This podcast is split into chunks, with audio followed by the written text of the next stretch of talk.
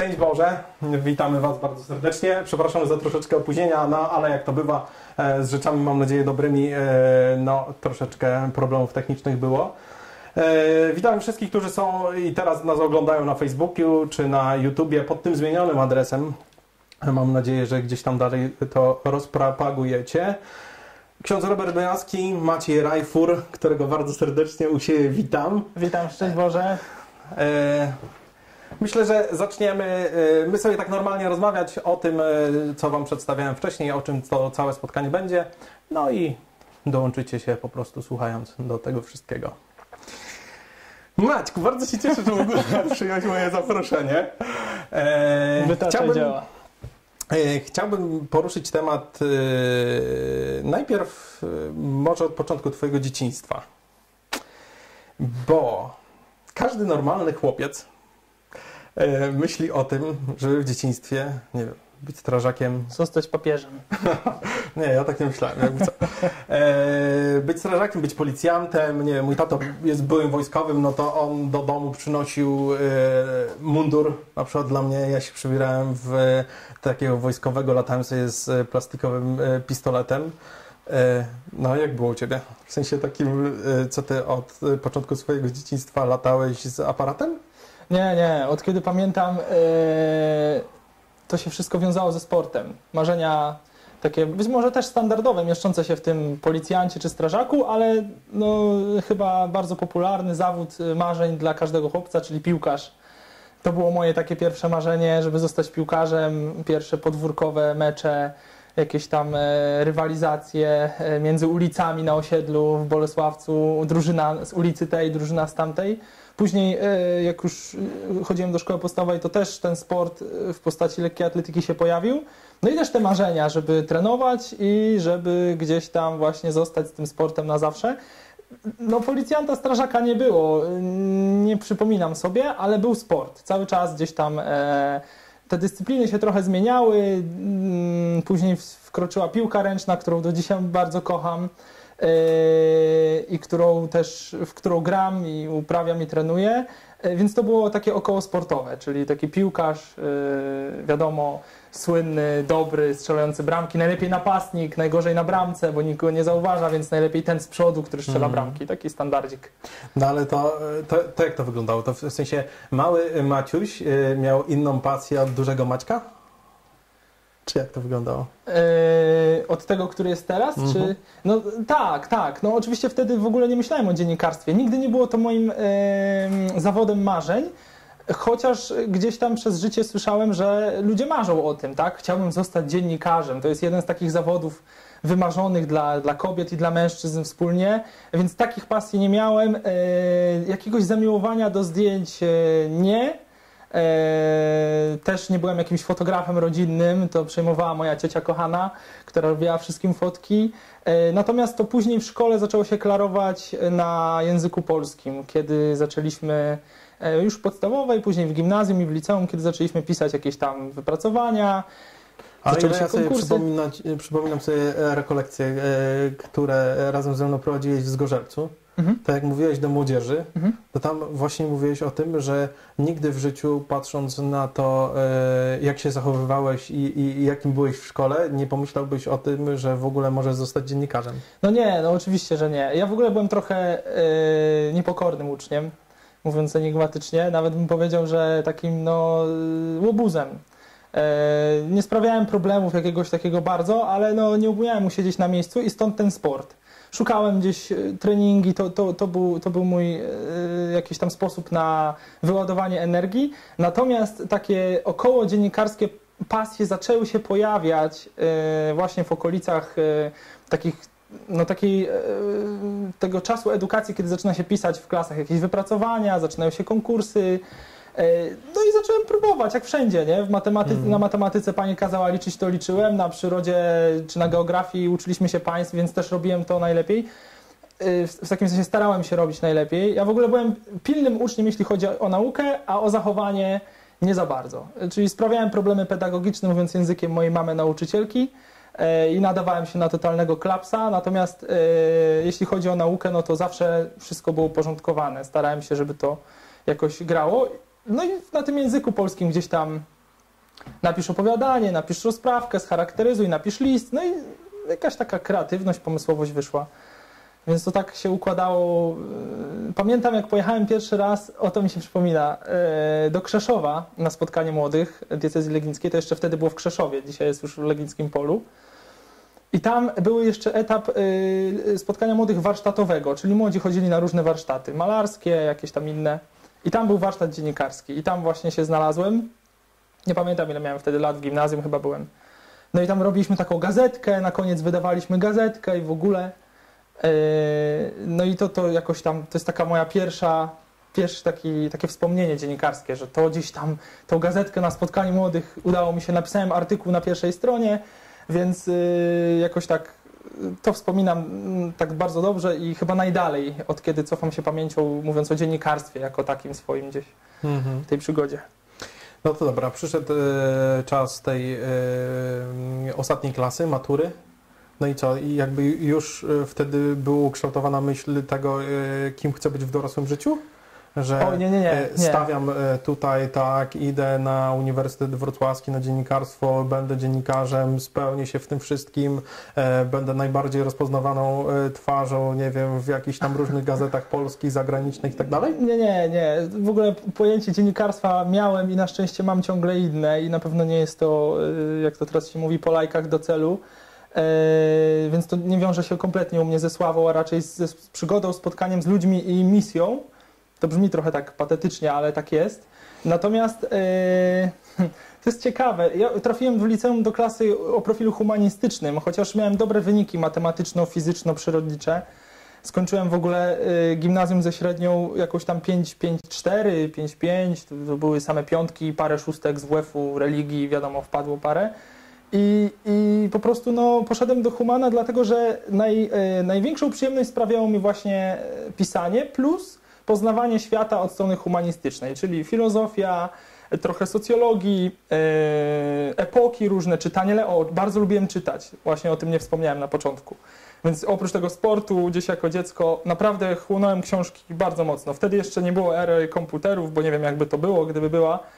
Więc nie miałem komputera, później się pojawił komputer z jakimiś takimi pierwszymi grami, ale to mnie nie interesowało. Czytałem książki, dużo czytałem. Mama kupowała mi gazety dziecięce od najmłodszego.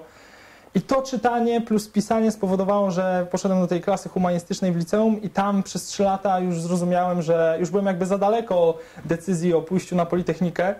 Nawet jeśli by mi się marzyło zostać inżynierem, to po prostu ten czas trzech lat już był nie do nadrobienia na maturze. I, a ponieważ nie miałem takiej chęci, bo no, dobrze się spisywałem jako humanista, no to wybrałem te przedmioty, które wybrałem do zdania. No i postanowiłem pójść na dziennikarstwo, co się spotkało z lekką krytyką mojej rodziny i trochę, że tak powiem, taką ironią środowiska. Dlatego, że jak pewnie wielu z Was wie, yy, jak ktoś idzie na studia dziennikarskie, to się mówi, że zostanie bezrobotnym, pierwszy bezrobotny i że to są studia dla studiów. Yy, Więc jak rzeczywiście powiedziałem, tak, idę na dziennikarstwo, gdzieś tam w klasie czy w, czy w domu, to rodzice się złapali za głowę i powiedzieli, chłopie, ty się zastanów, bo z tego nie będzie pieniędzy, prostych pieniędzy do życia, a no a rówieśnicy mówili, no właśnie tak pojmowali trochę płytko, nie? O, chcesz być drugim, nie wiem, Tomaszem Lisem, czy tam, czy tam Kamilem Durczokiem, wówczas to były największe nazwiska, czy Kubą Wojewódzkim, chociaż to nie jest dziennikarz. E, I ludzie tego nie rozróżniają, to też jest inny temat. Ale właśnie tak to pojmowano, nie? że idę tam po to, żeby właśnie pokazywać swoją gębę w telewizji. Mhm. Ale no, ja miałem inne podejście, nie? Mhm. No to e, teraz e, mo- moment pójś, pójścia na studia, no to z, jakimś tam, nie wiem, no ideałem, myślą tego, jaki, jakim ja chcę dziennikarzem być, no rozpoczynałeś studia. Tak. No i czy ta wizja to się wy, wypełniła w Twoim życiu po skończeniu studiów? Jak, na, jak na, w ogóle Nie, to właśnie to patrzysz? jest bardzo ciekawe, bo zupełnie nie. Jak poszedłem na dziennikarstwo, y, dostałem się na studia dzienne, co było dosyć dużym sukcesem, bo oblężenie było ogromne, tam 30 osób na miejsce. I tak poważnie, 90 osób nas przyjmowano, a podań było właśnie 30 na jedno miejsce, to jak się okazało, że się dostałem, to, y, no to jakoś tam ten sukces rzeczywiście był. I moje, moim marzeniem dziennikarskim było y, dziennikarstwo sportowe. To było moje marzenie ze względu na tą pasję, którą miałem wcześniej, e, styczność ze sportem. Ja bardzo mocno się interesowałem wcześniej sportem, tabele, gole, e, piłkarze, znałem polskie reprezentacje e, we wszystkich dyscyplinach, śledziłem. E, Też jestem z takiego domu, że Polacy grają w siatkówkę, rodzina siada, Polacy grają w piłkę nożną, siada, nie? Polacy grają w ręczną, siada i, i po prostu miałem te tabele w głowie i bardzo lubiłem analizować sport. I poszedłem z taką myślą, że moim marzeniem byłoby właśnie zostanie dziennikarzem sportowym. E, jak skończyłem studia i znalazłem się, gdzie się znalazłem, albo tak jak mówię z perspektywy dzisiejszej, jako dziennikarz gościa niedzielnego, to muszę przyznać, że Pan Bóg, bo tak ja postrzegam rzeczywistość po chrześcijańsku, e, że Pan Bóg miał dla mnie s- 100 razy lepszy plan. E, To znaczy, gdyby dzisiaj e, ktoś mi zaproponował i powiedział, to jest ta ścieżka, którą sobie wymarzyłeś wtedy i wejdź w nią, bo my ci dajemy taką szansę, to ja bym nie zostawił tego, co mam teraz. Dlatego, że dziennikarstwo, którym się zajmuję teraz, społeczne, też e, religijne, tak, chrześcijańskie, mm, spotkania z ludźmi, czy historyczne, e, to, e, to jest tak niesamowita satysfakcja, której nigdy, e, moim zdaniem, to jest czysto subiektywne, e, nie doznałbym na pewno w dziennikarstwie sportowym, które bądź co bądź oczywiście opiera się na wspaniałych emocjach, na relacjach i tak ale no, to jest nieporównywalna płaszczyzna. To wciąż jest jakaś płaszczyzna rozrywki. To, nie? ale no to jakby ktoś ci zaproponował e, odwrotnie, czyli albo jakby ktoś ci powiedział na pierwszym roku twoich studiów dziennikarskich, że twoją jedyną ścieżką albo e, największą szansą dla ciebie będzie praca e, w gościu niedzielnym w edycji wrocławskiej, tam będziesz najbardziej spełniony, tam będziesz człowiekiem, który będzie realizował materiały dotyczące, no nie wiem, Pana Boga, ży, życia, chrześcijan i tak dalej, to uwierzyłbyś w to, że to by, byłaby dla ciebie najlepsza droga w tamtym czasie? Mm, Tak, bo chciałem mieć pracę za wszelką cenę. Wtedy. Mhm. Nie myślałem kategoriami do końca takiego zaufania. Panie Boże, oczywiście ja oddałem wszystko Panu Bogu i powiedziałem, zrobię wszystko, co w mojej mocy, tak, a Ty, Panie Boże, działaj. E, natomiast e, wziąłbym to ze względu na to, że cały czas przez 5 lat studiów i także przed studiami wizja dziennikarstwa była taka, idziesz po to, żeby skończyć lajtowe studia, na których się pobawisz z mikrofonem, a po nich e, prawdopodobnie znajdziesz sobie pracę w supermarkecie, tak? E, Czyli wyjdziesz, zdasz egzamin magisterski i złożysz CV do wszystkich e, supermarketów w okolicy, żeby rozpocząć pracę i za coś żyć. Więc e, jakby karmiony tą taką wizją, że po dziennikarstwie nie trzeba być po dziennikarstwie, żeby zostać dziennikarzem, a więc idziesz na dziennikarstwo, czyli robisz nic, no bałem się, nie? Więc jakby mi ktoś powiedział, że będę pracował w gościu niedzielnym, wówczas tak nie ceniłem tej płaszczyzny społecznej. Wtedy dla mnie liczyło się właśnie ten sport, nie? E, Moim marzeniem był wyjazd na Igrzyska Olimpijskie. E, I oczywiście dzisiaj pewnie też bym chciał pojechać, ale nie zamieniłbym nigdy za to, co przeżyłem do tej pory. To jestem no, ponad dwa lata po studiach i to był dla mnie świetny okres. Poznałem fantastycznych ludzi. E, Nie mówię już o takich wydarzeniach, może jeszcze wrócimy. Światowe Dni Młodzieży, Mistrzostwa Europy, też w ogóle relacjonowałem dla gościa niedzielnego sport, więc więc to jakby Pan Bóg i tak mi y, pobłogosławił w ten sposób i rzeczywiście muszę powiedzieć, że y, no jednak to zaufanie zaprocentowało. Robiłem swoje na studiach, oczywiście no, martwiłem się gdzieś tam jak każdy student, czy będę miał pracę, co się stanie, ale oddałem wszystko Panu Bogu i powiedziałem w swoim czasie, nie? Na pewno coś się uda. Rób swoje, to co możesz. To, to były lata pracy za darmo, za, za jakiś tam uścisk dłoni starszego kolegi albo pana dziennikarza jakiegoś. E, Ale, ale w końcu przyszedł taki czas, że rzeczywiście to, to się wszystko ułożyło i to, to nie była ta ścieżka, którą sobie wymarzyłem wtedy, ale wtedy byłem niedojrzały. To znaczy byłem dojrzały, ale widziałem inaczej swoją przyszłość. Nie taką jak teraz na pewno. No to e, na przykład e, rozpoczynając e, studia dziennikarskie, e, słysząc o tym, że na przykład można być dziennikarzem, czyli, no bo już patrzę na to dziennikarstwo z perspektywy tej twojej pasji, Mhm. nie? Że no, no, rozpocząłeś te studia dlatego, że gdzieś tam e, zachłysnąłeś się no, pisaniem, no, z, z, z tymi różnymi wydarzeniami z języka polskiego, z, czy to z gimnazjum, czy tam ze szkoły e, ponadgimnazjalnej. No i rozpocząłeś studia, słyszałeś gdzieś tam z boku, że wcale, wcale nie musisz robić tych studiów, no bo jeżeli chcesz być dziennikarzem, no to w ogóle nie trzeba mieć tego wykształcenia i tak dalej. Miałeś wątpliwości w, w ogóle, że, że to mi jest niepotrzebne, Tak. może jednak to rzucę, a, to rzucę, a rzucę się w wir e, już pracy, zdobywania praktyki dziennikarskiej i tak dalej. Nie, nie, takiej w ogóle opcji nie brałem pod uwagę, żeby zostawić studia, a, yy, a pójść w jakąś taką, nie wiem, ścieżką indywidualną pukania do redakcji, bo moje studia dały mi możliwość yy, praktyki. To znaczy nie, nie, nie, nie podłożyły mi na talerzu, ale dały mi czas potrzebny do tego, żebym ja sam działał. Nie są to, nie, nie, będę ukrywał, no nie są to najbardziej wymagające studia. Moja żona teraz studiuje na Politechnice Wrocławskiej, obserwuję ją e, i to jest nieba ziemia pod względem zaangażowania w książki, w zadania, które trzeba zrobić, e, przygotować się i tak dalej. Więc studia dziennikarskie dawały mi pewną taką swobodę i ja to wykorzystałem. Y, czy moi rówieśnicy też, to, to trudno mi powiedzieć, chociaż rzeczywiście... Y, jest taka, i widziałem to w moich rówieśnikach, yy, pokusa, żeby przebimbać, tak?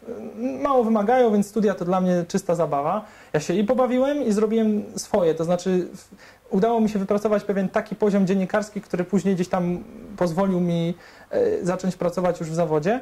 Natomiast yy, myślałem, żeby ca cały czas w czasie tych studiów myślałem, czy by nie podjąć czegoś konkretniejszego, bo tak świat, rodzina wokoło i jakby ciągle mnie pytali, nie? Maciek, a może zrobisz drugi kierunek? Zrobisz ekonomię, będziesz mógł pisać o ekonomii z perspektywy eksperta i dziennikarza. Zrobisz socjologię, będziesz dziennikarzem, który bada społeczeństwo.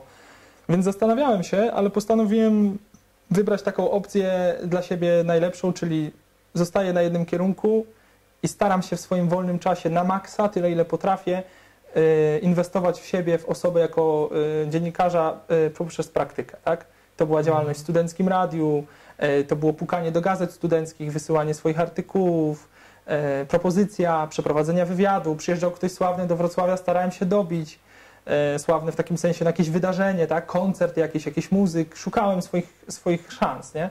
A jak popatrzymy teraz na przykład, wielu młodych ludzi staje teraz w takiej perspektywie właśnie rozpoczęcia studiów, podjęcia jakiejś decyzji związanej ze swoim życiem, mm, no to jakby, jak im doradzić, co im powiedzieć w momencie, kiedy nie wiem, no, nie, nie mają jeszcze takiej stuprocentowej pasji, tego, że wiedzą, że spełnią się właśnie w tym, dlatego idą na ten kierunek studiów, tylko bardzo często idą na przykład pod, e, pod podpowiedzią rodziców, rodziców tak. e, znajomych, z perspektywy tego, że e, no, te studia dadzą mi pracę i tak dalej czy oni mają w tym odkryć swoją pasję, czy w ogóle warto studiować, czy nie warto studiować, czy jednak zostawię studia, pójdę do pracy i tak dalej. No bo myślę, że wielu z tych, z tych osób, które gdzieś też spotkamy na, na przykład w Legnickim Polu już za tydzień, niecały, no to stoi teraz właśnie w takiej perspektywie. No i co, co im powiedzieć?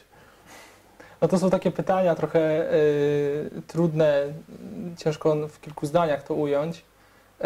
Y, na pewno każdy musi spojrzeć na siebie indywidualnie i nie patrzeć takim.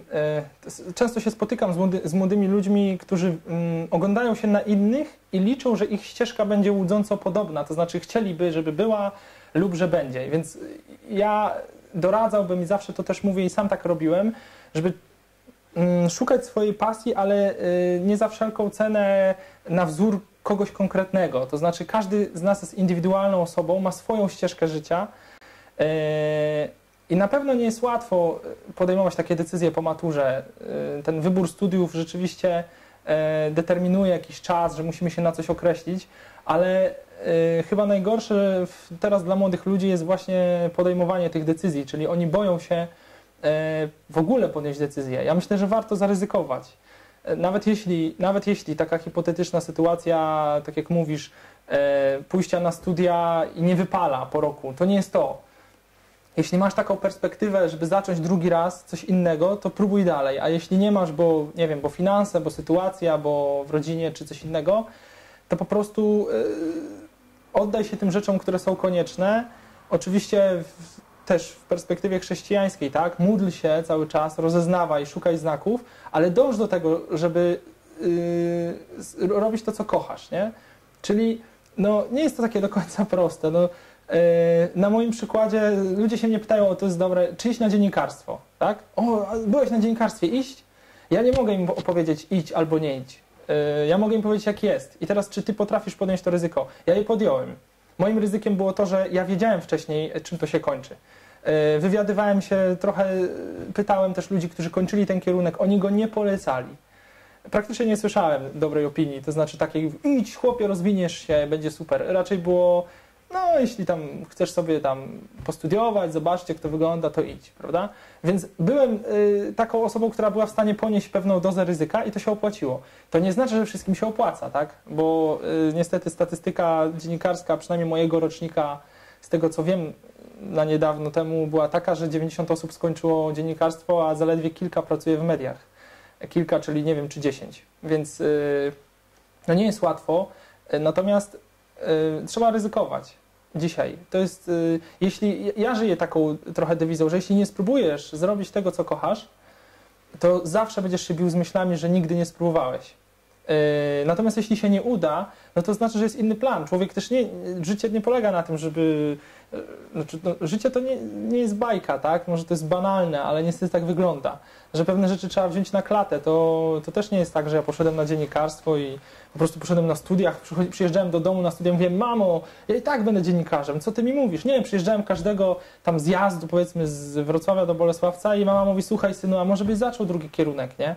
Bo wiesz, no, ja nie wiem, co z tym będzie. No i ja wtedy mówię, mamo, mam taki plan, nie? Działam trochę w radiu studenckim, dostałem już swoją audycję, mówią, że dobrze mi idzie, chcę spróbować się, nie? No i udało się, dzisiaj mogę powiedzieć, że się udało, więc ja zachęcam do ryzyka. e, Do tego, żeby trochę e, poczuć w życiu niepewność, zaufać Panu Bogu. Dla jednych to jest taka niepewność, która nie ma przyszłości, a dla mnie niepewnością była wola Pana Boga. Czyli ja mówiłem, Panie Boże, ja nie wiem, co będzie, ale robię wszystko, żeby Tobie służyć, tak? Y, Jako dziennikarz przyszły. Jeżeli chcesz, żebym nim był dla Ciebie, to poprowadź, a jak nie, to trudno. Jak, jeżeli mój scenariusz wyglądałby tak, że dzisiaj bym usiadł, a może bym tu pewnie nie usiadł, jakby taki był scenariusz, e, żebym wykładał towar w supermarkecie, to ja bym po prostu nie uważał się za przegranego. Ja bym uważał się za człowieka, który podniósł miecz i zawalczył.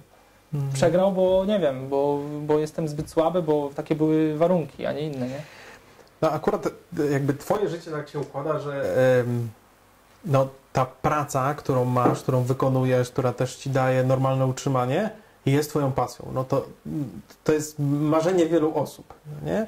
Ale e, no, czasami e, idzie to życie w, w tym kierunku, że jest jakaś praca, jest jakaś szkoła, są jakieś studia, m, a człowiek nie ma niczego, co by go jakoś tak porwało do życia. W sensie właśnie nie odnajduje jakiejś takiej pasji w życiu. No i te, teraz, y, w momencie, kiedy ja, ja prowadziłem na przykład, y, jak uczyłem jeszcze w Jeleniej Górze, w gimnazjum, na jedne z pierwszych lekcji, z pierwszych katechez, to było e, wyciągnięcie kartek przez, e, przez młodych ludzi w wieku tam, powiedzmy, uczyłem trzecie klasy, to w wiek 15-16 lat i prosiłem ich, żeby wypisali e, trzy swoje wady i 10 swoich uzdolnień. Tego, co potrafią zrobić w życiu. E, I zawsze pierwsza, pierwsza ich odpowiedź to była taka, czy może być odwrotnie, nie? czyli 10 wad, a 3 uzdolnienia. A czasami zdarzały się takie osoby, które mm, siedziały nad tą kartką, bo mieli na to 15 minut, siedzieli nad tą- kartką 20 minut i na przykład nie potrafili e, w- jakby wydobyć z siebie jakichkolwiek swoich uzdolnień. I czy to jest tak, że człowiek nie ma pasji w życiu, że e, człowiek musi się z pasją urodzić? Czy pasja to jest coś, co gdzieś tam we mnie się rodzi, coś, co odkrywam, coś właśnie, co, co, co spróbuję raz, drugi, trzeci, to nie to, to nie to, a może jednak e, coś, co e, spróbowałem, albo przez co wszedłem przez tak zwany przypadek, czyli tak naprawdę opatrzność Bożą w jakiś gdzieś tam konkretny kierunek. Ja myślę, że y, wszystkiego po trochę. To znaczy, są ludzie, którzy od początku, e, jest pełno takich historii, którzy od początku chcieli coś robić, szli w tym kierunku, poszczęściło im się, e, wykonują ten zawód, czy tam, nie wiem, pracują w jakimś takim miejscu wymarzonym i to robią. E, ale myślę, że większość osób, w tym ja, e, jestem takim przykładem, że tej pasji trzeba szukać. To znaczy, e, to, to, co mówisz, że młodzi ludzie, czy w ogóle ludzie też mają taki, e, nie wiem, czy to jest, może wszyscy trochę tak mamy, że łatwiej nam jest wymienić swoje wady niż zalety. Natomiast e, myślę, że mnie akurat tutaj pomogła filozofia chrześcijańska, która już od początku mówi, że jesteśmy dziećmi bożymi, że mamy godność dzieci bożych, że to jest wielka rzecz, że jesteśmy stworzeni do wielkich rzeczy. E, Wielkich nie oznacza miliony ludzi przed telewizorami na naszym programie, tylko wielkich oznacza e, każdego codziennego dnia swoją postawą mogę zmieniać ludzkie serca. I ja e, z, trochę z takim podejściem szedłem i ona, ono dawało mi nadzieję. To znaczy, na pewno każdy z nas musi odkryć czy zobaczyć, co mu sprawia pewną przyjemność, coś kreatywnego, tak? Nie mówię tutaj na przykład, no komuś sprawia przyjemność oglądanie telewizji, no niestety nie ma dla niego dobrej przyszłości. Natomiast jeśli chodzi o pasję i coś sprawia mu przyjemność, to myślę, że e, wtedy już nie pozostaje nic innego jak zaryzykować, a jeśli tego nie ma, to trzeba szukać. Yy, I myślę, że to jest bez względu na wiek. Yy, No, nieraz zdarza mi się spotykać ludzi na swojej drodze dziennikarskiej, którzy mają po 40-50 lat i zaczynają robić coś fantastycznego, na przykład rzeźbić genialne drogi krzyżowe, nie? albo na przykład y, malować obrazy fantastyczne, albo na przykład odkrywają pasję przewodnika. E, No to jest niesamowite. Oczywiście oni pracują w jakichś miejscach na co dzień. Być może ta praca nie sprawia im wielkiej przyjemności, bo jest to praca w fabryce. Może nie daje to jakichś e, widocznych efektów, które widzimy na ekranie telewizora. Ale jak ktoś ma poukładane w głowie w sposób taki rozsądny, czyli rzeczywiście tak się ułożył mój życiorys, tak, tak wyszło, a mam 40 lat, 30, 20, 50, to nie mówię, że już za późno, nie? Tylko mówię, y, szukam dalej, szukam, czytam, rozglądam się, no y, z pasją wiąże się ciekawość świata. Jak ktoś, jak ktoś nie ma pasji, to wydaje mi się, że nie potrafi, że musi rozbudzić w sobie pewną ciekawość świata. Chęć poznania ludzi, przecież no, nie da się inaczej poznać świata, nie da się odkryć fajnych rzeczy. Czy dla Ciebie e, hobby, pasja to to samo? To są nie, synonimy? Nie, troszkę. Y, Ale pasja różni? to, pasja to coś więcej. To coś, co. y, hobby to coś, co sprawia mi przyjemność, a pasja to jest coś, co mnie motywuje, coś, co mnie y, nakręca pozytywnie, coś, co nadaje sens.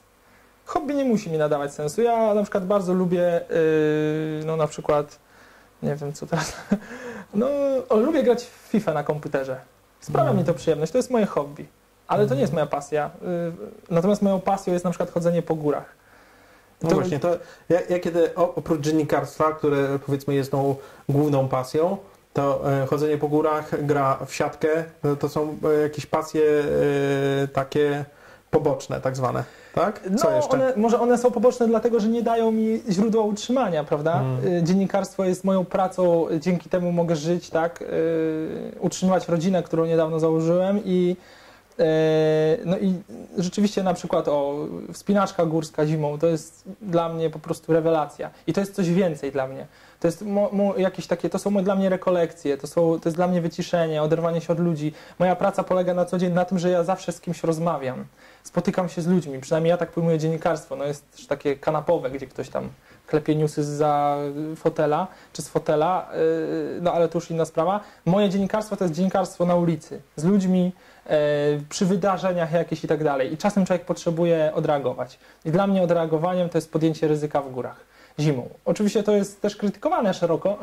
E, No dlaczego zabijesz się i w ogóle, jak ty możesz narażać swoje życie, teraz masz żonę, nie rób tego i w ogóle, ale to jest coś więcej.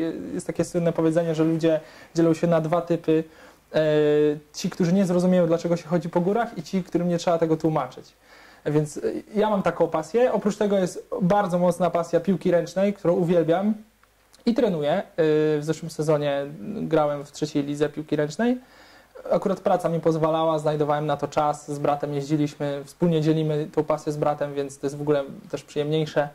E, No i każdy rodzaj takiej aktywności, sport, pływanie, y, basen, więc to, to, są, to są takie poboczne, prawda, pasje. No, no lubię też chodzić do kina, moja żona jest moją pasją ogromną, Mhm. więc lubimy To razem tak- spędzać czas. Tak czekałem, czy powiesz, czy nie?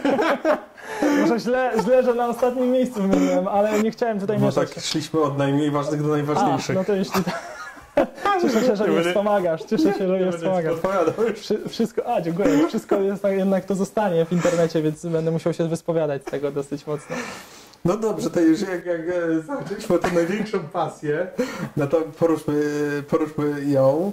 E, masz e, na, na prawej ręce obrączkę, czyli jesteś świeżo upieczonym ponadmiesięcznym mężem. Jak się żyje w małżeństwie, tak z perspektywy tego, że dwa miesiące temu jeszcze nie byłem mężem? A, zmieniają się trochę priorytety. Wbrew pozorom, w ogóle to się człowiek też nasłucha jak z tym dziennikarstwem, nie? Chłopie, kajdan sobie zakładasz. Mnie to tak zawsze śmieszy, ja to uwielbiam, jak ludzie tak, a niektórzy tak poważnie. Chłopie, co ty zrobiłeś? Ty życie przegrałeś. Ja myślę, naprawdę, serio? I niektórzy tak naprawdę poważnie. I mnie to tak, ja tak, tak lubię się z tego tak śmiać, że to jest takie wszystko rubaszne. Yy, fantastycznie się żyje. To w ogóle było spełnienie moich marzeń. To jest moje, to jest moje marzenie od dzieciństwa. Założenie rodziny, żona, dzieci, rodzina, e, potem praca i tak dalej. Więc no, moja żona jest tym pierwszym takim krokiem do tej rodziny. E, może wkrótce będą też dzieci, jeśli Pan Bóg pozwoli. No i ten miesiąc no, łaska sakramentu działa, obiady się gotują w kuchni. Czyli miesiąc E, miodowy.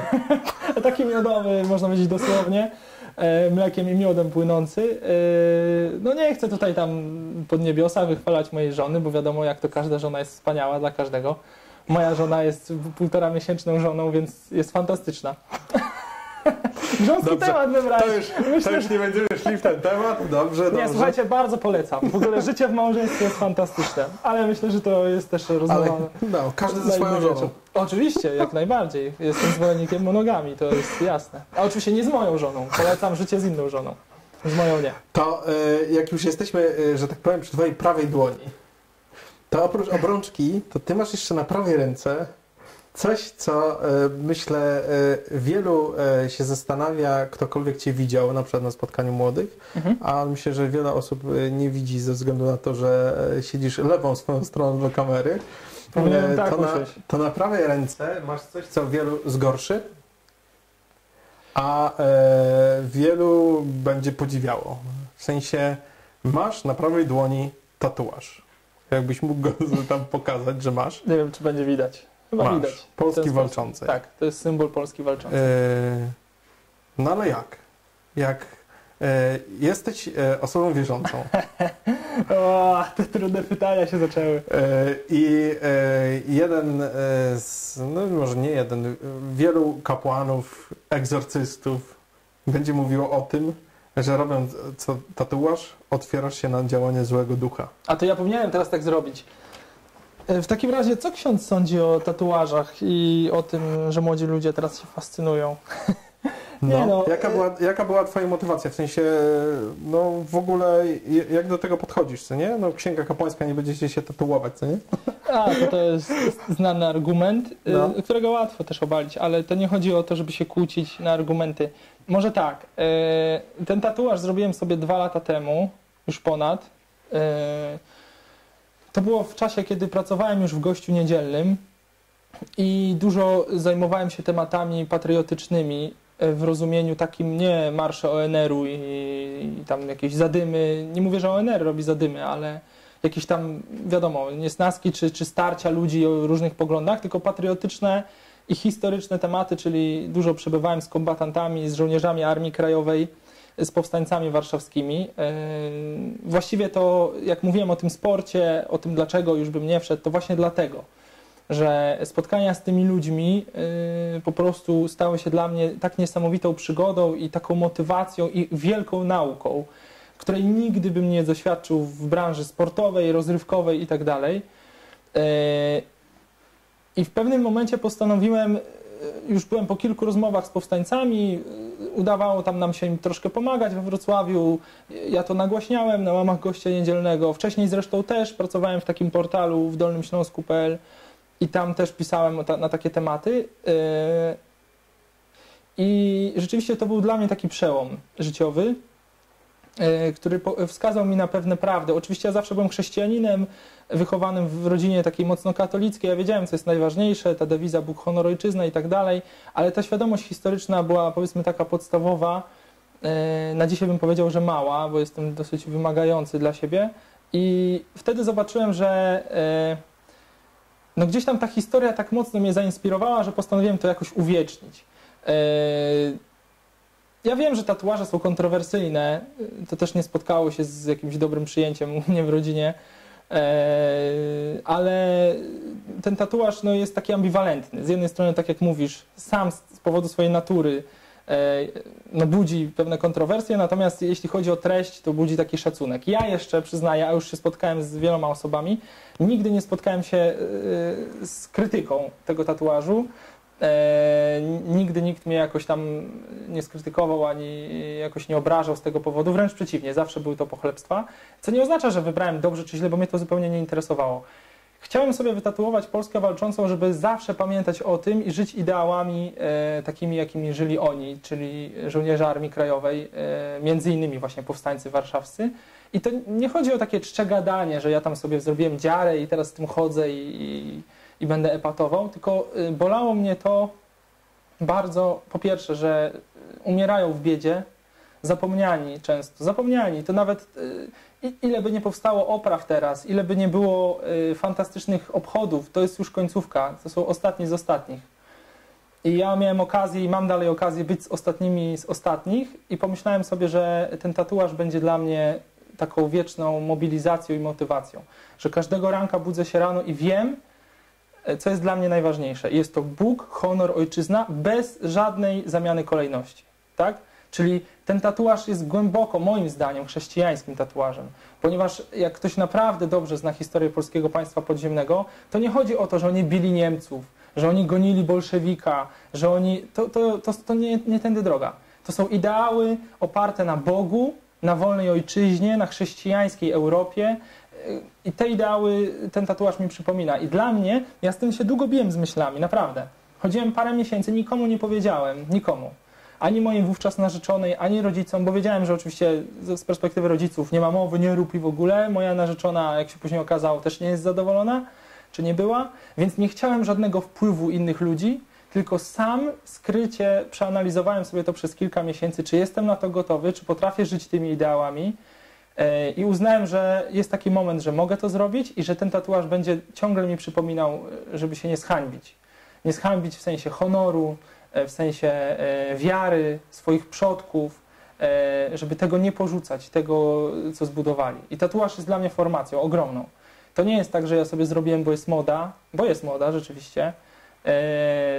To jest dla mnie ogromne wyzwanie. To, to, to stoi przede mną. Ja się rano budzę i słuchajcie, no wystarczy spojrzeć na życiorysy niektórych ludzi, na przykład pułkownika Cieplińskiego. Niedługo może ruszy jego proces beatyfikacyjny. To są wspaniałe e, życiorysy e, wielkich katolików.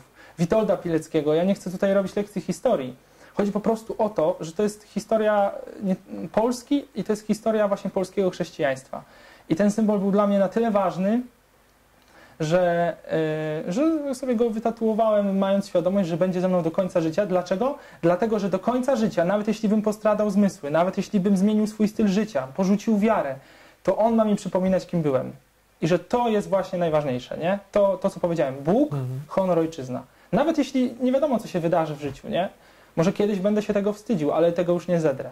Teraz oczywiście jest jakieś tam laserowe usuwanie, nie wiem, Boże broń, żeby mi to wpadło do głowy, ale po prostu nie, to był ważny krok dla mnie i to jest dla mnie ciągle formacja. Oczywiście wielu ma tam swoje teorie, e, niektórzy patrzą na mnie jak na kryminalistę, e, ale jak słyszą, że jestem dziennikarzem katolickim, to im się nie zgadzają puzzle, bo mówią, jak to w ogóle, nie? Czy tam chodzisz na mszę co niedzielę, w ogóle różaniec odmawiasz, masz tatuaż, nie byłeś w więzieniu, e, nie wiem, co tam jeszcze, nie? Albo, że jestem, nie wiem, no teraz, no to są takie kalki, nie? Że jestem jakimś kibolem, o, to też jest, tak? No, jak to, to nie jesteś łysy, masz normalne włosy, nie? Baseballa nie trzymasz, to, to, to się wymyka spoza jakichś stereotypów. Mhm. I to jest dla mnie ogromnie ważna sprawa. A chcę jeszcze powiedzieć jedną rzecz, że ten tatuaż y, pokazywałem powstańcom warszawskim, to były dla mnie, i to nie tak, że przychodziłem i mówiłem, patrzcie, ja jestem tutaj waszym fanem, nie? Zobacz, tutaj mam taki tatuaż, tylko to były często momenty, w których, byłem, taką historię powiem, byłem u pana Zbigniewa Krejckanta, to jest powstaniec warszawski, pseudonim Cyngiel. I on bardzo, robiłem materiał do gościa niedzielnego i on nie chciał dać sobie zrobić zdjęcia. Jego rodzina mnie też prosiła, mówi, panie Maćku, jak będzie dziadek miał okazję, chciał, chęć, to proszę, bo my nie mamy żadnej pamiątki takiej z teraz, że on opowiada o powstaniu i tak dalej. I naprawdę y, pan Zbigniew nie ma mowy. Jestem stary, brzydki, kto chce mnie oglądać. To są ludzie tak niesamowicie honorowi. Nie, ja nie, w ogóle się nie nadaję do gazety. Proszę iść do młodych ludzi. Ja, ja w ogóle nie powinienem nic mówić. Oni nie chcą się pokazywać światu. Oni zrobili swoje i oni chcą w spokoju umrzeć. I to mnie tak ujęło. Y, I też jakoś pomyślałem sobie, że chciałbym mieć pamiątkę, pokazać moim dzieciom i zapytałem, czy zrobi sobie ze mną zdjęcie, ze mną. Więc się zgodził, zrobiliśmy sobie to popularne selfie i później na koniec, jak już prawie wychodziłem, mówię, panie Zbigniewie, to taki gest, żeby pan pamiętał, że, że ja jestem taką osobą, e, może gdzieś tam będzie miał pan okazję opowiedzieć albo nie, e, ale proszę pamiętać, że jest pokolenie, które wróciło wam honor. I pokazałem ten tatuaż. I on się rozpłakał, wzruszył się, może tak. I, i wtedy zgodził się zrobić zdjęcie. I wtedy mogłem puścić ten materiał, bo bez zdjęcia on po prostu był, no, był bardzo wartościowy, ale w gazecie to nie jest dobrze widziane i no, to musi być konkretna osoba przedstawiona na zdjęciu, więc yy, bardzo się wzruszył. Zresztą kiedykolwiek nie pokazywałem tego powstańcom, a co roku staramy się z żoną spotykać z nimi. Yy, czasem zdarzy się kilka razy w roku. E, no to są, są dumni, nie? I, I, to, I to nie chodzi o to, że, że, że ich to rajcuje, tylko to po prostu jest coś, za co oni oddawali życie. I to wraca, ta historia wraca, więc to jest no, dla mnie coś ważnego, osobistego bardzo. Poruszyłeś, e, poprzez tatuaż poruszyłeś e, te, te rzeczy, które gdzieś tam wynikają z samej Twojej pracy, w sensie no między innymi właśnie spotkanie się z konkretnym człowiekiem. Nie? No to e, teraz praca w gazecie wielu ludziom kojarzy się z tym, że gonimy teraz za jakimś newsem, który będzie się dobrze sprzedawał, który będzie podbijał naszą poczytność gazety, który będzie jakąś sensacją, który przykuje uwagę i tak dalej. Czy pracując w gazecie katolickiej, najbardziej czytanej w Polsce, czy takie rzeczy Wam przyświecają, w sensie jako dziennikarzom? Szukanie nieustannie sensacji, szukanie czegoś, co jak najlepiej się sprzeda, szukanie czegoś, co najważniejsze, żeby przykuło uwagę czytelnika? Czy jednak są y, inne priorytety? Nie, no w ogóle dziennikarstwo z założenia nie powinno tak wyglądać, ale to już jest no, inna ale tak kwestia. Tak wygląda. Tak no. wygląda, dlatego że takich mamy odbiorców. Gdyby nie klikały się zdjęcia z bikini najlepiej, E, czy żon piłkarzy, no to by nie były umieszczane, prawda? Jednak troszkę tak to, to koło się zatacza oczywiście, bo media też generują pewne potrzeby i to potrzeby niestety generują potrzeby na podstawie takich dosyć e, przyziemnych, bym powiedział, e, instynktów. Natomiast nie, no w gościu niedzielnym to jest w ogóle zupełnie inna forma od tej, którą przedstawiłeś. To jest przede wszystkim informowanie ludzi o aktualnych wydarzeniach z życia świata i z życia świata katolickiego. E, I oczywiście formacja religijna, czyli jakby zdobywanie wiedzy o Kościele na podstawie różnych historii. Natomiast ostatnia rzecz, którą wymieniłeś, to była ta sensacja. Trochę tak jest siłą rzeczy, bo dziennikarstwo zajmuje się no nie zawsze czymś wielkim, tak? ale nie da się przejść obok czegoś wielkiego obojętnie. To znaczy, jeśli dzieje się coś, ostatnie zamachy w Barcelonie terrorystyczne, no nie można nad tym przejść obojętnie. E, więc zajmujemy się wszystkim, co jest aktualne i co jest wartościowe. Czyli, czyli tym, co może naprawdę wprowadzić do, dla czytelnika czy internauty, bo jesteśmy też w internecie, już teraz chyba coraz bardziej, e, coś wartościowego, czyli coś, co może naprawdę e, zbudować jakąś jego opinię na ważny temat. To nie znaczy, że nie ma lajtowych tematów, oczywiście, że są. To jest czysta rozrywka. Często to są jakieś fajne historie ludzkie, które nie poruszają bardzo głębokich e, kwestii. Natomiast e, no jakaś tam sensacja, może nie sensacja, tylko taka bardziej bym powiedział, mm, te najważniejsze wydarzenia ze świata muszą być. Wydaje mi się, że dzisiaj kwestia leży w tym, jak to przedstawiamy, a nie co do końca. To znaczy, oczywiście pomijam tabloidy, gdzie się dowiemy e, o tym, co ostatnio robiła Ania Mucha, czy tam którą dziewczynę ma Kuba Wojewódzki, to pomijam. Chodzi mi o jakiś tam poziom dziennikarstwa poważnego, bo z tym też jest problem. To znaczy, patrzymy na jakieś wydarzenie i teraz co my z nim zrobimy? Niektórzy to używają do jakichś swoich, no na przykład weźmy pod lupę ten zamach w Barcelonie. Oczywiście podstawowe informacje i tak dalej, i tak dalej, ale później zaczyna się obracanie wszystkiego na swoją modłę. To znaczy, ktoś y, wzmaga na przykład strach przeciw imigrantom przez to, tak?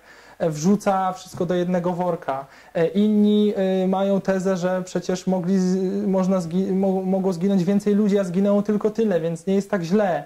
E, Hiszpania nie miała przez tam bodajże 5 lat zamachu, więc chyba jest dobrze. No to, to są kwestie perspektywy, nie? Więc to jest ważne, czy my naprawdę chcemy przyjąć taką prawdziwą perspektywę rozsądną. Ja myślę, że teraz w polskim dziennikarstwie trochę brakuje centrum. E, To się odzwierciedla, to jest jakby y, lustro polskiej polityki.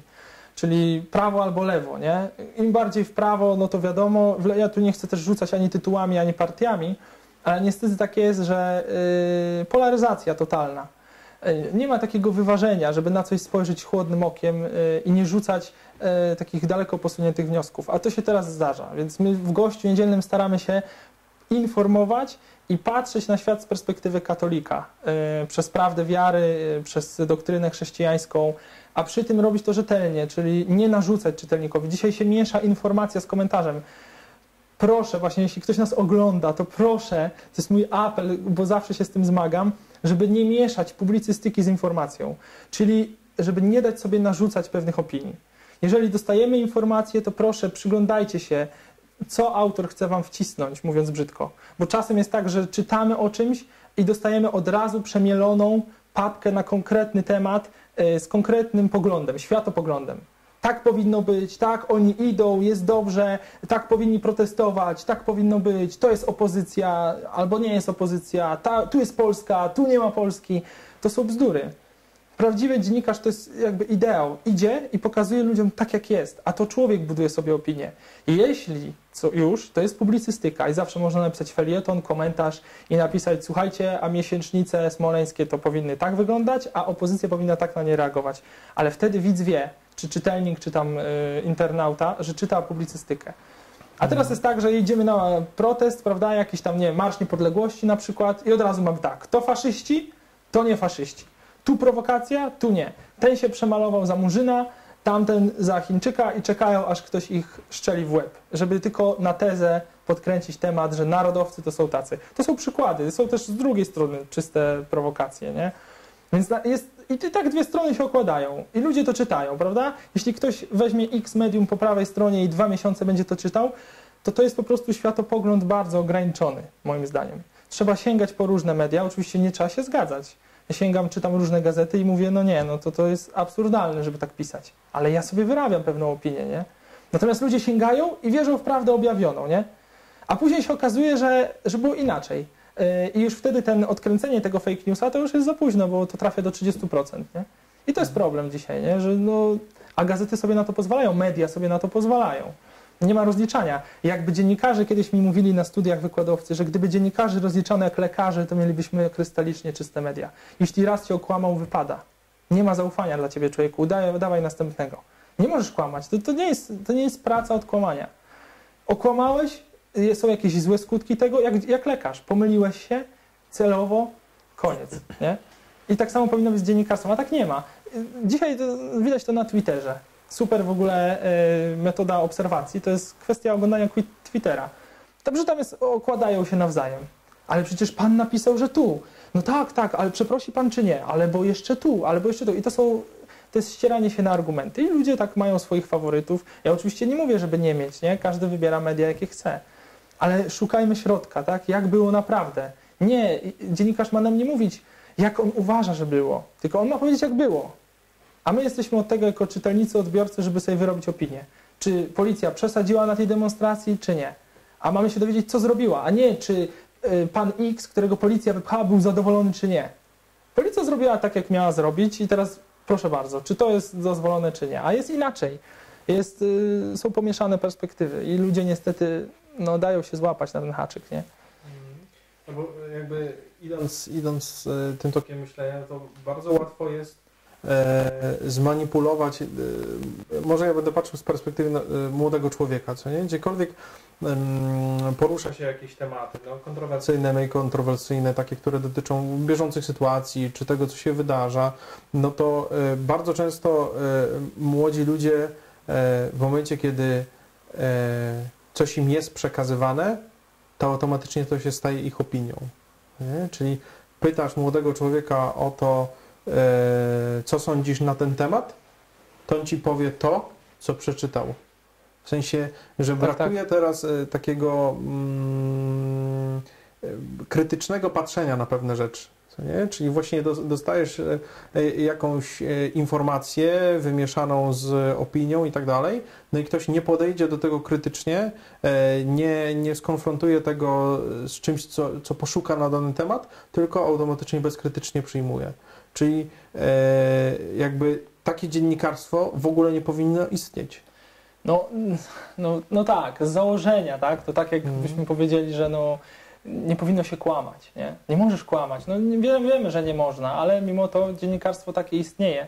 I teraz my, to, co my możemy zrobić, to nie właśnie tylko debatować, nie? To musimy jako odbiorcy pokazać. Jeśli ktoś mnie zawiódł i zawodzi cały czas, no to, to go nie wspieram, tak? To go, to go nie klikam, to go nie udostępniam, to go, to go nie wspieram, bo w ten sposób wspieram koncern, który ma jakąś tam swoją politykę, prawda? Ma jakąś, jakiś swój światopogląd. Więc y, ja naprawdę zachęcam do tego, żeby szukać yy, i, i też szukać oczywiście uczciwych mediów, tych najuczciwszych. Yy, moim zdaniem, oczywiście ono jest subiektywne, nie? Ale, ale jest też uzasadnione, znaczy ja potrafię się obronić, to są też media katolickie, yy, po które należy sięgać i, i naprawdę szukać. Yy, ja jak przychodziłem do gościa niedzielnego, to spotkałem się we Wrocławiu w, paru sytuacjach takich, że ludzie byli zdziwieni, że gość niedzielny na przykład jest na jakiejś konferencji miejskiej. Na przykład, nie wiem, podwyżki cen biletów. Gość niedzielny, ale przecież wy piszecie tylko o tym, co w kościółkach, albo przekopiowujecie ogłoszenia parafialne. Ja mówię, no to nie, no to wejdź na stronę, zobacz, nie, no poczytaj. I rzeczywiście te, te trzy lata naszej pracy, oczywiście wcześniej też, ale mówię o sobie, nie, że, że jakby cały czas trzeba zmieniać mentalność ludzi. Że, żeby sięgnąć i zobaczyć, że media katolickie są profesjonalne i naprawdę, jeśli jesteś katolikiem, to to nie jest tak, że y, to pokazują ci perspektywę chrześcijańską, uczciwą i etyczną, bo y, przecież to doskonale wiemy, że chrześcijańska doktryna jest, e- jest etycznie najlepsza, tak? Ona jest, ona jest uniwersalna, o tak bym powiedział.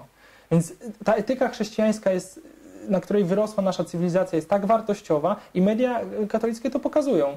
Więc warto do nich sięgać, nie? A młodzi, wracam do tego, co mówiłeś, no trochę tak jest, tak? Przeczyta i później w dyskusji łupie tymi argumentami, a nie sprawdzi. Ja widzę często na Facebooku też kolejny apel, nie udostępniajcie niczego tak bezwiednie. To są e, newsy w stylu y, pobili y, cz- czarnoskórego mężczyznę pod Poznaniem dwaj narodowcy. I ludzie to udostępniają, prawda? Później się okazuje, że jednak ten mężczyzna nie był czarnoskóry, tylko po prostu było ciemno, a ci dwaj narodowcy to byli po drugiej stronie ulicy, bo oni akurat nie uciekali, a uciekł ktoś inny, nie? A oni mieli akurat narodowcy. Nie wiadomo, czy to byli narodowcy, ale mieli koszulki z godłem, więc już jacyś faszyści na pewno. I ktoś to udostępnia. Ja często piszę takie komentarze, y, może zdarza mi się, jak mam czas, y, to piszę, proszę pani, tak? No to nie jest prawda, proszę sięgnąć tu. I wysyłam coś, co to demaskuje zupełnie. I w drugą stronę, tak? Też, też mówię tutaj politycznie, to w dwie strony działa. Więc no, po prostu sprawdzajmy źródła. Sprawdzajmy źródła. No, dzisiaj jest dużo też takich e, z dziennikarstwa obywatelskiego newsów. Ktoś tworzy e, jakieś historie, to są niesprawdzone rzeczy, tak? E, szczególnie teraz na polu o imigrantach, to ja widzę pełno tych, tych informacji. Ja, nie we, ja mam wrażenie i nie we wszystkie staram się wierzyć. Znaczy wiadomo, ktoś pokazał mi łódkę, która przypływa do plaży hiszpańskiej, wyskakują ludzie z Afryki biegną gdzieś tam w Europę, żeby ich policja nie zidentyfikowała, no to to widzę, nie? Ale często są takie newsy, ktoś kogoś pobił na tle rasowym, albo a tutaj na tej demonstracji to to i to są niesprawdzone rzeczy. Y, Są pewne marki, nie wiem, szukajmy, korzystajmy z nich, y, opierajmy się na... Internet to jest fa- fantastyczna rzecz. Ja widzę po, na poziomie, jak sprawdzam wiedzę z, ze starszym pokoleniem.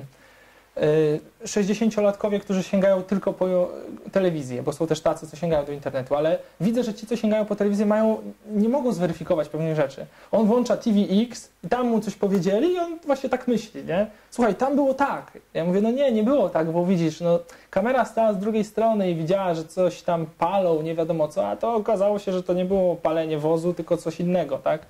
Albo, że ludzi nie było, y, no też jest w ogóle hit teraz ostatnio w Polsce od kilku lat, to są te kłótnie o liczby, nie? przeszło 100 tysięcy, 10 tysięcy. Miasto podaje, że 100 tysięcy, policja podaje, że 30 tysięcy. No to jak można się pomylić o takie rzeczy, nie? Więc widzimy, że ciągle trwa walka o nasze umysły, o manipulacje. To jest, ostatnio chyba minister Macierewicz to mówił, że to jest wojna hybrydowa, nie? Trwa wojna hybrydowa, skłócać, jątrzyć, polaryzować, tak? Hmm. Jak ktoś włączy sobie pewne struktury z jednej strony, no to ma tylko jeden punkt widzenia, nie? No to e, media e, są takim e, doskonałym narzędziem do manipulowania człowieka? W Oczywiście. Są, są w stanie wpłynąć na, na to, w jaki sposób człowiek teraz nie wiem, podejmuje decyzje, jak żyje, w Myślę, jaki że sposób tak. myśli, co wybiera do jedzenia, co do prania, co do czego innego? Co, Tak, szczególnie, że tak jak już stwierdziliśmy, ludzie dzisiaj jakoś tak nie mają swojego zdania. To znaczy nie biorą y, nic krytycznie. No już Napoleon mówił, że on się bardziej boi y, trzech gazet niż trzech tysięcy bagnetów. Więc to pokazuje, że przez historię jakoś y, te media to jest ogromna siła. Środki masowego przekazu mają ogromny wpływ. Gdyby tak nie było, to by nie inwestowano takich pieniędzy, to by nie starano się tak o media. To każde rządy w każdym państwie jakoś tam muszą się o te media starać z prostego powodu. One docierają do wielu ludzi, nie? więc są najlepszym obecnie współcześnie przekaźnikiem pewnych informacji. I myślę, że dzisiaj ludzie niestety, tak jak mówisz, nie mają krytycznego myślenia. Czemu tak jest, to nie wiem. Ale być może mają za duże zaufanie, być może nie chce im się szukać. E, jeszcze jest jedna kwestia, nie, po prostu nie są w stanie czasem zrozumieć, że coś naprawdę nie było tak, jak myśleli że naprawdę y, było inaczej. Ja, ja w ogóle tego też nie do końca potrafię zrozumieć. Każdy z nas się myli i czasem po prostu oglądam coś i wydawało mi się, że było tak i za chwilę się okazuje, że ktoś pisze, ale nie, przecież to jest tak i tak i podaje mi y, jasne, klarowne argumenty, takie, których nie da się podważyć. No to jest koniec sprawy. Byłem to- w błędzie, nie? I- A ludzie nie. Skoro, skoro gdzieś tam e, media są w stanie manipulować e, człowiekiem tak, że to wpływa na jego zachowanie, na jego myślenie i tak dalej, to jakie pole do popisu właśnie mają media e, katolickie? W jaki sposób współcześnie Kościół może wykorzystać media do tego, żeby głosić to, co się nazywa prawdą? Prawdą pisane przez duże P. Y, myślę, że jeśli chodzi o polski grunt, Wodę chcesz? A możesz, po, a możesz polać. Jeśli chodzi o polski grunt, to, yy, to media mają bardzo duży wpływ i to widać choćby nawet po, tutaj no, nie, nie chwaląc się ani jakoś tam specjalnie nie podając, po statystykach, po liczbach. Yy, no, najlepiej sprzedającym się tygodnikiem opinii jest w Polsce Gość Niedzielny, czyli tygodnik katolicki. E, więc to, to też coś odzwierciedla, prawda? I nie jest to jedyny tygodnik. Jest niedziela, idziemy, przewodnik katolicki. No i jest tego naprawdę dużo. Już nie chcę wchodzić w, tam w radio czy w telewizję, bo wybór jest. Więc media katolickie w Polsce naprawdę e, mają duże znaczenie, aczkolwiek my cały czas, i też zachęcam do tego ci, którzy mają styczność z mediami katolickimi, żeby pokazywali światu, że katolicki to nie znaczy obciachowy czy mało profesjonalny. Bo się ludzie przyzwyczaili, że media katolickie to są gazetki kościelne, e, które wydaje Ale się... wiesz, dlaczego się tak przyzwyczaili? No dlaczego? No bo tak było. To się Ja nie dopiero wiem, kiedy tak było. ostat, ostatnimi laty to się zaczyna zmieniać. Taka jest Ja prawda. wiem, przed wojną... Idziemy, e, idziemy w stronę właśnie większego profesjonalizmu.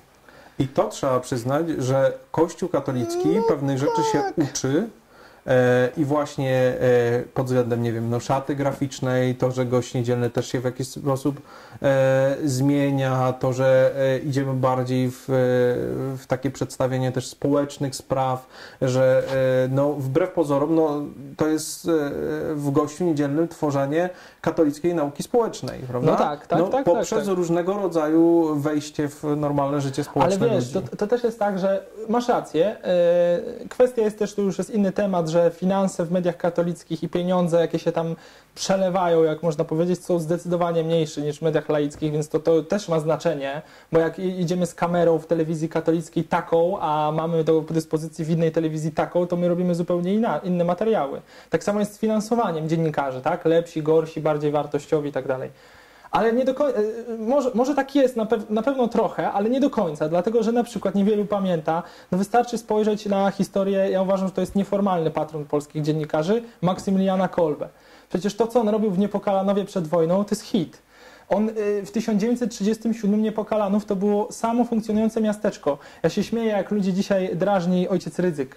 Jak mają na przykład na, niego, na jego wysypkę, nie? Albo jak e, reagują, o ten to Maybachem i pieniądze z nas drze. I oczywiście okrada wszystkich tych, którzy nie oglądają telewizji trwami, tam nie dają na Radio Maryja, ale ich okrada. I ja sobie myślę, kim by był dzisiaj Maksymilian, jakby zrobił taki, niepo... oczywiście Niepokalanów dalej trwa, ale jego świetność minęła wraz ze śmiercią męczennika. Yy, on wydawał gazetę, która miała milion nakładu. Yy, Rycerz Niepokalanej Miesięcznik. Dziennik, mały dziennik się nazywał, gazeta codzienna, 300 tysięcy nakładu, czyli więcej niż dzisiaj ma Fakt i Super Express. To była katolicka gazeta. Jako pierwszy biały człowiek wydał w pełni yy, Rycerza Niepokalanej, czyli jakąkolwiek gazetę, jako pierwszy biały człowiek w Japonii w nakładzie tam kilkunastu tysięcy egzemplarzy. Niepokalanów to było miasto, które funkcjonowało samo z siebie. Yy, piekarnie, kolejka wąskotorowa, radio i jeszcze były plany z telewizją i budowało się lotnisko. Yy, jak takie historie nagłośnimy, to my zobaczymy, jaką, jaką Kościół ma siłę yy, pozytywną i jak potrafi... Dlatego między innymi e, Maksymilian Maria Kolbe mówił o tym, że Kościół nie może stracić mediów. Tak, to jest prawda. I to Mhm. jest też ważne, żeby, żebyś, ale to, to jest ważne też dla, dla nas jako odbiorców, dla czytelników, żebyśmy wspierali to. Często się też, no słyszę zambony, tak, że księża pomagają, tak, kupujcie cze- prasę katolicką, czy tam oglądajcie wartościowe programy, czytajcie książki religijne, bo niestety tak jest, że to koło się zatacza, popyt, podaż, popyt, podaż i żeby coś funkcjonowało, żebym ja miał pensję i mógł wykonywać swoją pracę dobrze, to ktoś musi to kupić. Więc, no a żeby to kupił, to musi być ciekawe, więc ja jakby no, koło się napędza, nie? Ale Kościół bezwzględnie, i to już y, chyba przełom był przy Soborze Watykańskim II, zrozumiał to, yy, bo dawne, dawne czasy to bywało różnie, rzeczywiście. Ale dzisiaj yy, bezwzględnie media to jest tak naprawdę środek yy, dla Kościoła pod względem apostolstwa, tak? My jesteśmy powołani do tego, żeby całemu światu mówić o Jezusie Chrystusie i o Ewangelii, a media to, są, to jest idealny grunt, to jest idealna branża do tego, żeby mówić. Więc jak postawimy na profesjonalizm, nauka Jezusa Chrystusa ma być profesjonalna, tak? Tak jak ten blog, tak jak ten, ten program, tak jak y, właśnie to, co robi ksiądz Robert Bielawski, bo taka jest prawda. To ma wyglądać profesjonalnie, to ma się dobrze słuchać, tego ma się dobrze oglądać i to ma się dobrze czytać. I my tak w gościu niedzielnym z tego e, założenia wychodzimy. E, Ja oczywiście czasem się zmagamy z tym, nie? Gazetka katolicka i tak dalej. Ja, mnie to nigdy nie wkurzało, mnie to śmieszyło. Ja bardzo lubiłem e, takie docinki, w ogóle uwielbiam, jak ktoś tak wrzuca mnie do wora, nie? Tatuaż to chuligan, a dziennikarz katolicki to pewnie z ogłoszeń parafialnych kopiujesz. Ja mówię, no kopiuję, ale czasem nie starczy i muszę pójść na konferencję, nie? I ludzie zdziwieni, o, nie? Albo no, no różne rzeczy, tak? A jak na przykład teraz żyjemy w takich czasach, e, że mm, no, to, co jest papierowe, to jest coraz mniej czytane. W sensie takim. E, I wyobrażasz sobie, że na przykład e, gość niedzielny za, nie wiem, 10 lat przestaniecie w ogóle wydawać wersję drukowaną, ponieważ będziecie tylko już w internecie? No bo co? Gość niedzielny teraz już też jest obecny normalnie na Facebooku, jest obecny na YouTubie. Na Twitterze. Na Twitterze. No tak, tak. Są e-wydania do kupienia, tak, to coś w tym jest. Myślę, że 10 lat to za blisko. Że jeszcze, jeszcze to nie w ten sposób, y, że kiedyś y, to możliwe, aczkolwiek cały czas mam nadzieję, że y, papier się obroni. Taka jakaś dewiza na studiach u nas była, że papier się obroni, że oczywiście on, to widać maleje. Nakład, praktycznie nakłady i sprzedaż każdych gazet E, No nie wszystkich, ale praktycznie wszystkich. E, Czy tygodników, czy dzienników spada. Jak popatrzymy przed laty, to zupełnie inaczej. Znamy powody, tak, internet i tak dalej.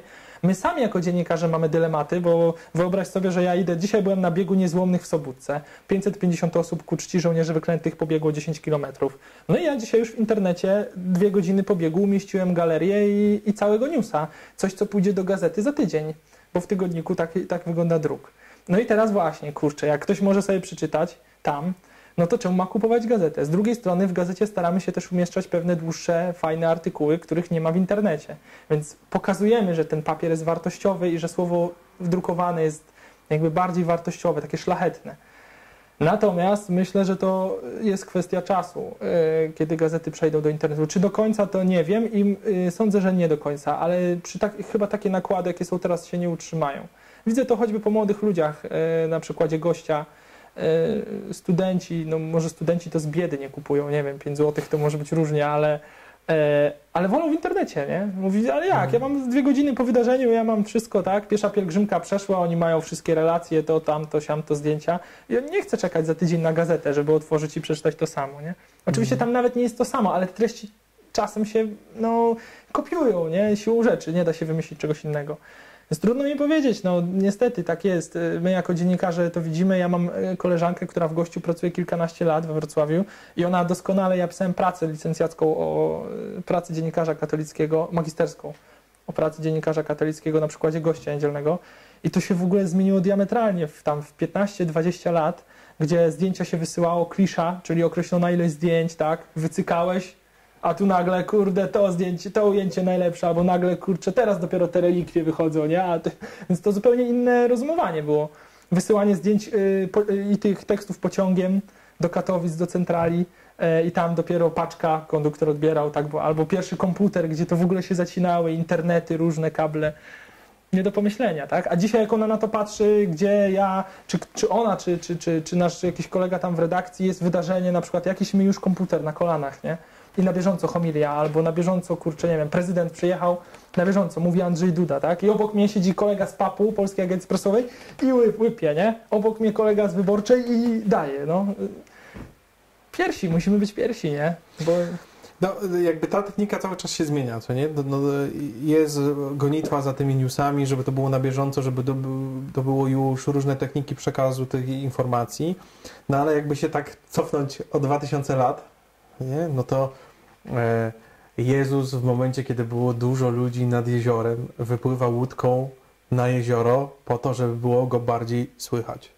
Nie, e, nie wiem, święty Paweł wychodzi na e, aeropag e, i zagaduje tak, żeby go ludzie słuchali, co nie? Mówi o tym nieznanym Bogu i tak dalej. No to gdyby e, Pan Jezus żył dzisiaj, to jest pytanie, które twój kolega redakcyjny e, z edycji Legnickiej, Jędrzej Rams, kiedyś mi zadał też w takim wywiadzie, który robił. Gdyby Jezus żył e, w 2017 roku, posługiwałby się Facebookiem? Posługiwałby się YouTube'em? Chciałby ludzi spotkać w internecie? Po to, żeby ich potem przyciągnąć na osobiste spotkanie? Bo zawsze, nawet jeżeli Jezus cokolwiek e, używał z takich e, nazwijmy to technik medialnych, czy święty Paweł, to zawsze to miało za zadanie y, doprowadzić do spotkania. Zawsze. Nie? No bo nie da rady tego zastąpić e, byciem w internecie, tylko zawsze to ma doprowadzić do spotkania, do czegoś głębszego. No to Jezus e, w 2017 by się posługiwał takimi mediami, to jest czy by się nie takie posługiwał? pytanie, na które ja sobie wymyśliłem wymyk. Jezus byłby tak ważną osobą, że pewnie miałby ludzi od tego i sztab, więc sam pewnie nie wiem, czy by tweetował. No, e, miałby ale, dwunastkę od tego. No właśnie, pewnie ktoś by był tu, ktoś tam, e, ale myślę, że myślę, że tak. Ostatnio nawet przygotowywałem dla gości niedzielnego materiału o ewangelizacji w internecie e, z perspektywy duchownych, księży, sióstr zakonnych, głównie księży. I fajnie tam właśnie powiedział mi ksiądz Aleksander Radecki fajne słowa, że tam, gdzie są ludzie, tam ma być Pan Bóg. A Pan Bóg y, we współczesnym świecie, w ogóle w świecie jest jakby no, dobra nowina musi być przynoszona przez ludzi, tak? Przez kapłanów czy przez nas, katolików. Więc jeżeli w internecie są ludzie, a są, to tam, jeżeli tam jest też szatan, a jest, to dlaczego tam ma nie być Pana Boga? Wręcz musi być. I najprostsza logika wskazuje, że tak. Oczywiście właśnie trzeba iść dalej, czyli spotkanie z księdzem, E, na blogu, vlogu, nie wiem, Q&A czy jakimś innym tam spontanicznej gadce rapowej, czy co tam jeszcze jest w internetach, to nie jest koniec, to ma być tylko e, wędka, tak? To jakaś jest przynęta, żeby to pociągnąć tego człowieka, żeby przyszedł do kościoła. Więc jak najbardziej. E, ja myślę, że w ogóle dzisiaj to trochę widać, nie? Episkopat, czy, czy różne spotkania młodych, zakony, czy księża decyzjalni mają sztaby ludzi, którzy pracują na jakiś wizerunek medialny kościoła i E, i my musimy za tym nadążać. E, Kościół musi dotrzymywać kroku. E, jego nauka ma być niezmienna, ale opakowanie się zmienia. I to opakowanie musi się zmieniać. Ono zawsze się zmieniało. Nawet ostatnio gdzieś arcybiskup Kupny mówił, że na Soborze Watykańskim też to tak ustalono, że, że jakby Pan Bóg działa do nas w zależności językiem epoki w ten sposób. Czyli jest oczywiste, że Ewangelia, Pismo Święte się nie zmieni, ale sposoby ewangelizacji się zmieniają. nowa ewangelizacja i tak dalej. I internet i to, co się dzisiaj dzieje w internecie, wymusza na kościele wręcz, wymusza. Na kościele, i nie mówię tu o kościele w sensie biskupi, czyli Jezus i dwunastka, ale wszyscy. Jak ktoś usłyszał na górze od Jezusa, to sam ma iść na górę i mówić to, co powiedział Jezus, nie? I tak samo my, e, więc my wszyscy. E, I myślę, że to jest konieczne. To jest w ogóle bardzo konieczne. Zawsze kibicuję i zachęcam kapłanom, siostrom, zakonem wszelkim e, no, jakimś formą takim pomysłowym ewangelizacji. To jest super sprawa. Oczywiście róbmy to profesjonalnie. To jest też trudne, bo trzeba się zmierzyć z hejtem tak zwanym, czyli z jakimś oporem, może obelgami, może jakimś tam prowokacją i tak dalej, ale my musimy tam być. Tam, gdzie są ludzie, tam musi być Pan Bóg, bezwzględnie.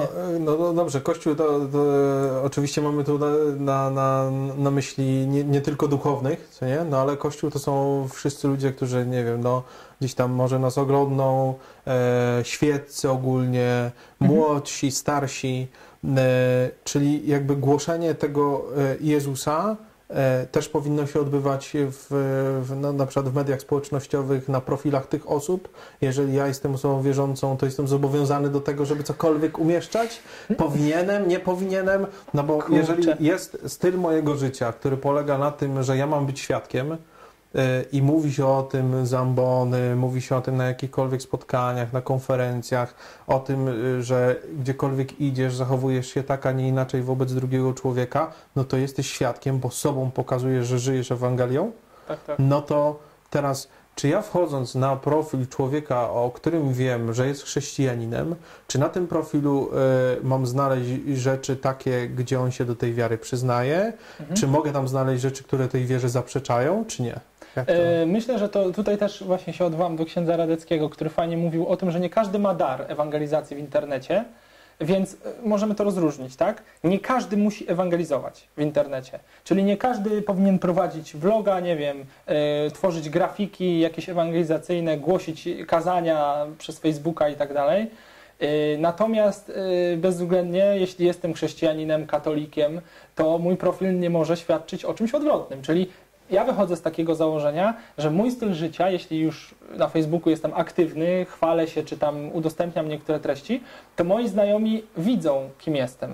Potrafią po moim profilu rozpoznać, że jestem osobą wierzącą e, i zaangażowaną w życie Kościoła. Natomiast czy wszyscy tak muszą? E, e, chyba nie muszą. Moim zdaniem nie powinno być odwrotnie. Czyli jeśli uważasz się za katolika, jeśli przyjmujesz tą wiarę i grasz w tę grę do końca, a nie tylko wtedy, kiedy ci się chce, to rzucasz kostką, to, to nie ma być tak, że ktoś wchodzi i widzi, nie wiem, no trudno mi teraz, o, to jest dobry przykład. Ja się z tym zmagałem, bo wieczór kawalerski to jest też dobry temat. Wieczór kawalerski dla chrześcijanina. No jest tyle głupich rozrywek, od jakichś tam tańce na róże, striptease i tak dalej. No, jeśli ktoś się czuje chrześcijaninem, to dla mnie bezwzględnie odpada coś takiego. Odpada. E, są pewne zasady i koniec. Honor, to o czym mówiłem wcześniej. I tyle. I, I, jeśli takie coś się pojawia, no to to jest antyświadectwo i tak nie powinno być. Oczywiście z zasady nie powinno, nie? A co do ewangelizacji, no ja się z tym nie kryję. Yy, natomiast nie każdy ma odwagę też. To wiadomo, nie? Że też ludzie żyją w różnych środowiskach. Jeżeli ktoś ma się spotkać z ostracyzmem, nie wiem, no, ma to jakieś konsekwencje głębsze, to, to, to, nie, to, to nie jest źle, że on nie jest aktywny, nie? W ogóle aktywność w internecie nie jest konieczna. Ja bym to tylko postrzegał jako szansę. Szansa, ogromna szansa dla Kościoła, żeby zdobywać ludzi, żeby pokazać, że jesteśmy częścią świata, że ja chodzę po górach i w górach odmawiam różaniec, nie? Że jak wszedłem na szczyt, to pierwsze co zrobiłem, to się Panu Bogu podziękowałem, że się nie zabiłem, nie? Zdrowaśki leciały po prostu jak, y, nie wiem, lajki u ojca Szóstaka na Facebooku, nie? Y, ale mówiłem o tym, nie? Wrzucam zdjęcie, trzymam różaniec, cokolwiek. Proste świadectwo, więc to jest tylko szansa, nie? No, Dla nas. Tak, poruszyłeś już nazwisko to a propos... Ja jestem dobry, nie? W dyskusji różnych, różnych na przykład e, tak zwanych, mm, nazwijmy to... Kato celebryci. Tak, kato celebryci. O to chcesz zapytać. E, w jaki sposób e, ich, e, na nich spoglądasz? Czy e, bycie człowiekiem, który aż tak mocno ewangelizuje e, poprzez różnego rodzaju vlogi, blogi, e, różne tam wstawki i inne takie rzeczy, czy to akurat w sferze, no tu przede wszystkim duchownych, nie? Mhm. czy to jest potrzebne, pomocne, czy przeszkadza? Każdy zespół y, potrzebuje frontmana. Kościół jest takim zespołem. E, Jak patrzymy na rzeczywistość wirtualną, e, na Kościół w rzeczywistości wirtualnej, to Kościół potrzebuje frontmenów. I to najlepiej udanych, nie? Nie takich, którzy e, zrypią, że tak powiem brzydko, robotę, czyli po prostu obraz Kościoła będzie taki, jaki proponuje nam świat, staroświecki, ciemnogród, jakiś przestarzały, głupi, zacofany i tak dalej, bo to jest oczywiście kalka, jakaś propaganda i tak dalej, więc my potrzebujemy frontmenów i ja bardzo pozytywnie e, odnoszę się do tej aktywności. Sam niedużo korzystam. To znaczy e, z tych takich, jak już mówimy o mediach społecznościowych, jak już padły tam nazwiska ojca Szóstaka, czy ksiądz Pawlukiewicz, e, czy tam, nie wiem, czy siostry zakonne jakieś, to no, zdarza mi się też relacjonować te spotkania i ja widzę, że lu- ludzie potrzebują takich, takich autorytetów, może to za duże słowo, ale takich właśnie frontmenów, którzy staną i będą nas reprezentować w jakimś sensie i będą też e, nam pomagać nie? w tym internecie jakoś odnaleźć Pana Boga. E, Więc myślę, że tak, tak, że to jest bardzo dobra rzecz. E, Jeśli jeszcze jest, jak jest robiona profesjonalnie, to w ogóle super. Ojciec Szóstak akurat jest przykładem tego, że można to robić w sposób bardzo profesjonalny, też spontaniczny. Nie wszystko musi być ekstra wyglancowane, ale jak ma osobowość, bo on ma osobowość przede wszystkim. I to jest coś, co przyciąga ludzi. I dla mnie najważniejsze jest oczywiście to, żeby ci ludzie się nie zatrzymali na ojcu Szóstaku. A to, czy się zatrzymują, czy nie, bo też są głosy krytyki, no to jest nie od niego zależne. On sieje ziarno, a co z tym ziarnem się dzieje, to robi Pan Bóg, nie? I, I sami ci ludzie, jeśli mają wolną wolę. Więc jak najbardziej. Ja myślę w ogóle, że tego jest mało. Ja bym chciał, żeby ta oferta była większa. Żeby jak są rekolekcje adwentowe, to żebym ja nie widział na Facebooku szóstaka, co przeskroluje tego face'a. Niech ktoś inny się podejmie, nie? Jak czujesz, że masz taki dar, w archidiecezji wrocławskiej jest paru młodych kapłanów, y, którzy no już tam coś działają. Y, My jako gość niedzielny chcemy to pchnąć, nie? Jakoś pomóc im dotrzeć do szerszej masy. Bo to jest normalna rzecz, nie? Tak jak słucham muzyki i mam 15 kapel rockowych, super kapel rockowych na przykład, to dlaczego nie mogę mieć 15 kaznodziei? Yy, a mówi się tak, tam ojciec szóstak, daleko, daleko nic, czy tam ojciec szóstak, ksiądz Pawlukiewicz, każdy ma swoją hierarchię, nie? Nie, nie, nie. Oby było ich jak najwięcej. Tych, którzy naprawdę chcą, żeby działa się chwała Chrystusa. Czyli nie Jego, a, a Jezusa, nie? To jest tym, no tak, olbrzymi. Dziękuję Ci bardzo za to nasze e, spotkanie. No, prawie półtorej godziny, to więc wiesz, Bardzo się cieszę. E, bardzo szybko. Dziękuję. Ja E. Moim następnym gościem za miesiąc, a będzie to 23 września, będzie ksiądz Rafał Cywka, dyrektor e, regionalny e, Papieskiego Stowarzyszenia Pomoc Kościołowi w Potrzebie. Em, Ksiądz Rafał, między innymi z księdzem Rafałem będziemy rozmawiali na temat tego, ile na świecie tak naprawdę jest chrześcijan, którzy są prześladowani. Czy w ogóle to jest liczba w promilach malutkich, malutkich procentach, czy jednak jest to jakaś większa liczba? Myślę, że wiele osób też się zdziwi w, wtedy, kiedy ksiądz Rafał poruszy ten temat. Poruszymy też temat bardzo aktualny, czyli między innymi o e, imigrantach i uchodźcach. W jaki sposób e, im pomagać, nie pomagać tu, tam, u nich na miejscu. E, Poruszymy też wiele tematów, którym zajmuje się samo to papieskie stowarzyszenie, dlatego już bardzo gorąco zapraszam na 23 września. Maćkowi jeszcze raz dziękuję. Dziękuję, dziękuję bardzo i zachęcam do tego, żeby korzystać mocno z mediów społecznościowych i tradycyjnych. Z Panem Bogiem. Pomachaj, Z Panem Bogiem. a ja puszczę zakończenie. Do zobaczenia. Cześć.